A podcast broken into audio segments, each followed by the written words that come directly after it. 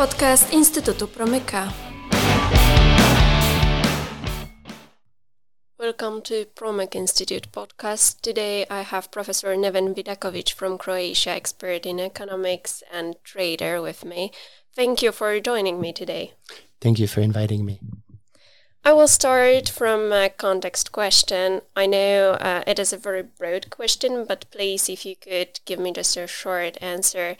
Who is currently in the government in Croatia and for how long? What is their opinion on economy? Uh, currently, we have a broad coalition, but it's basically ran by one party.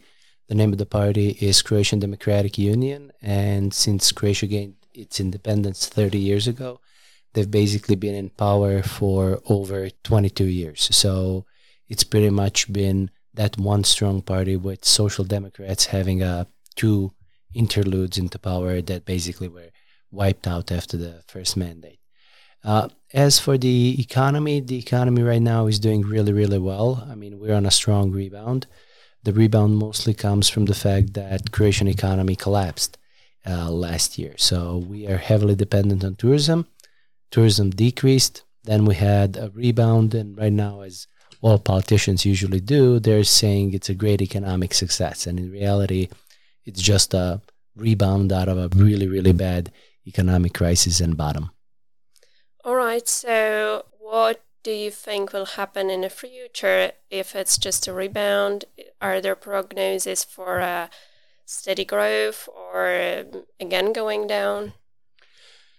Basically, one of the main problems of Croatian economy is the fact that we have not been able to generate serious economic growth for the last 40 years. So if you do a parallel, we are pretty much right now at the same economic level we were in 2006. And in 2006, we were at the same economic level we were in 1990 and in 1990, we were at the same economic level we were in 1980. So if you take a certain portions in time, then there are periods of really large economic growth, but none of that growth has proven to be really strong and robust. So what happens is we have unsustainable, badly structured growth. Then a crisis comes, 2000, 2008, uh, to, uh, last year, and the economy collapses. So our ups are one, two, three, maybe up to four percent, but our downs are seven, eight percent. And the last crisis really hurt us because we had six years of negative economic growth. So if we look into the future, it's not that hard to see what is going to happen. We're going to have a really strong rebound that politicians are going to proclaim as an economic miracle the government revenues will increase, which will basically increase social spending for the government and will make everyone happy. But after the all the dust settles in next two or three years, the rates of growth are going to decrease and they're going to go down uh, to back to one and a half to two percent. So if we just do a simple middle of the point series. For example, if you go online at Eurostat and you take 2005 as a base year, our average growth between 2005 2019, so encompassing that Great Recession, was one and a half percent. So there's nothing has changed that'll give me any kind of reason to think that our growth rates are going to go up to three or four percent. All right. So, what are the biggest problems that uh, stop you for, from better growth? Um, there are basically two problems. One is a structural. We have heavily dependent economy on tourism, and if you take tourism and everything connected to tourism, you basically get uh, thirty percent of GDP. And then if you take uh, the structure of exports, 50% of our exports are tourism, which is equivalent to Ethiopia, that also has 50% of exports in tourism. The second thing is we've basically had bad governments. So, regardless of who is in power, the main object of the government is always to get money into the treasury. So, if you can cover the government budget, government expenditure, then everything is fine. We have never had a government who asked a simple question how do we generate jobs? So, for me, if you're do, going to do any kind of economic policy, the simple question is Does this policy create jobs? And if it creates jobs, then it's a good policy. If it doesn't create jobs, then it's a bad policy. We have politicians that say, does this policy create government revenue?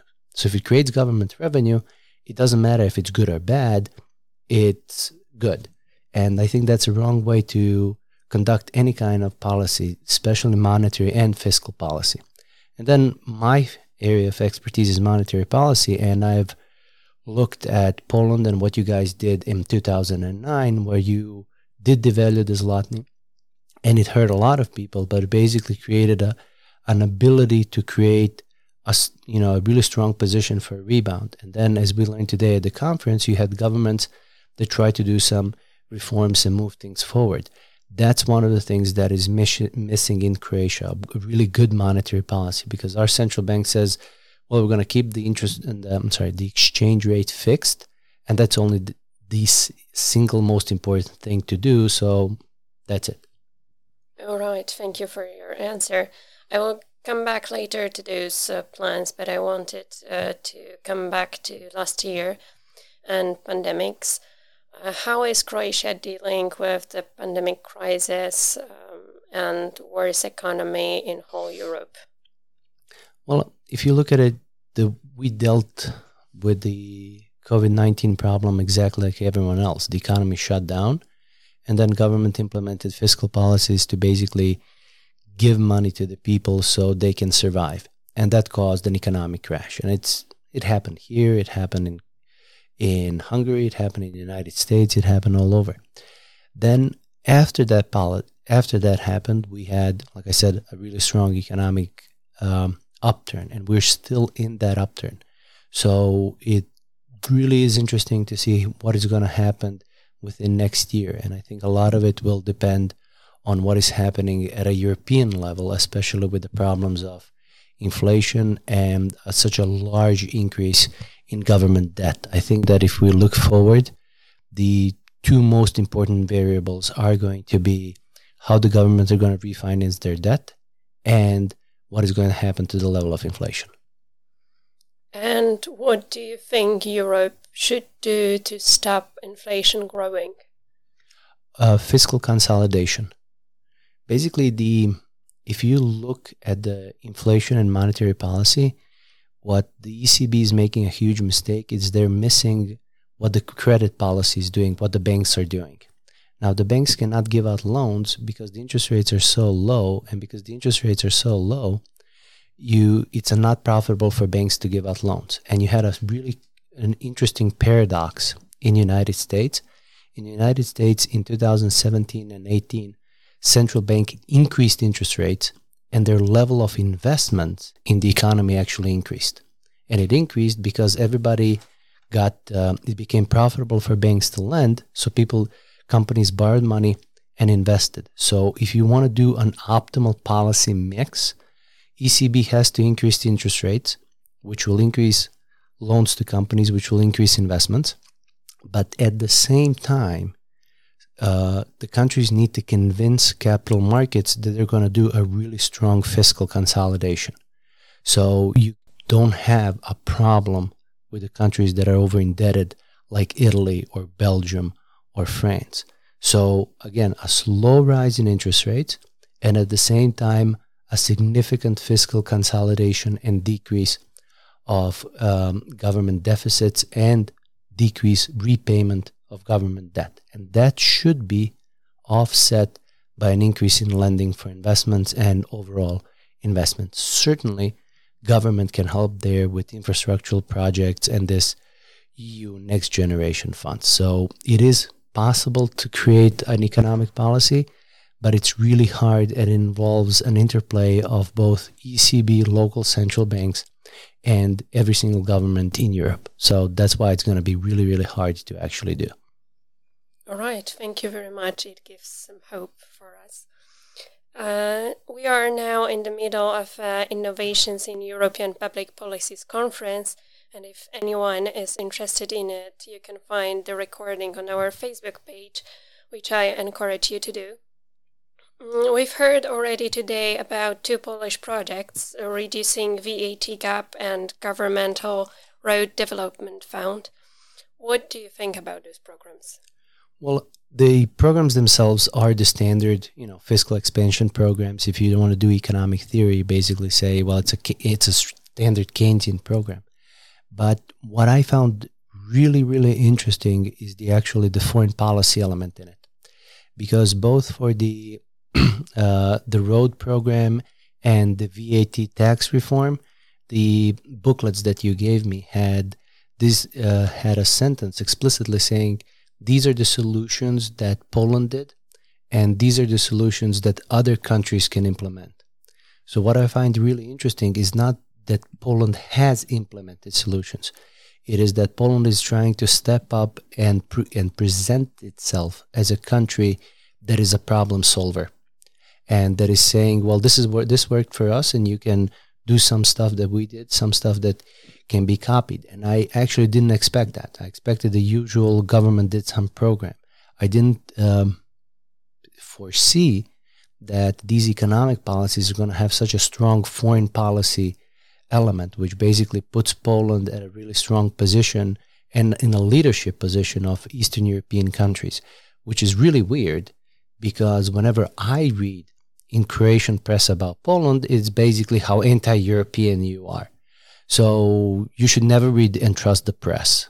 You should only listen to good po- podcasts that tell the truth.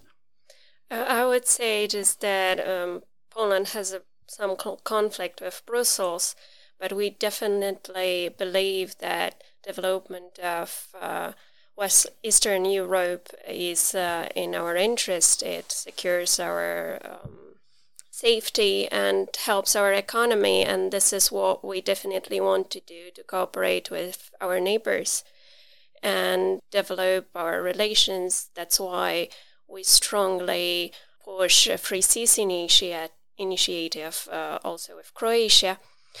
But let me come back to economy now, and I would like to ask you: Are there any programs like that in Croatia that maybe we could implement in Poland? No. All right, that is um, not good news, but we will have to work by ourselves on, on new initiatives. Thank you so much for joining me today and for sharing uh, your opinions and some knowledge about Croatia. It was really good to have you. Thank you for inviting me. Thank you very much and have a good day.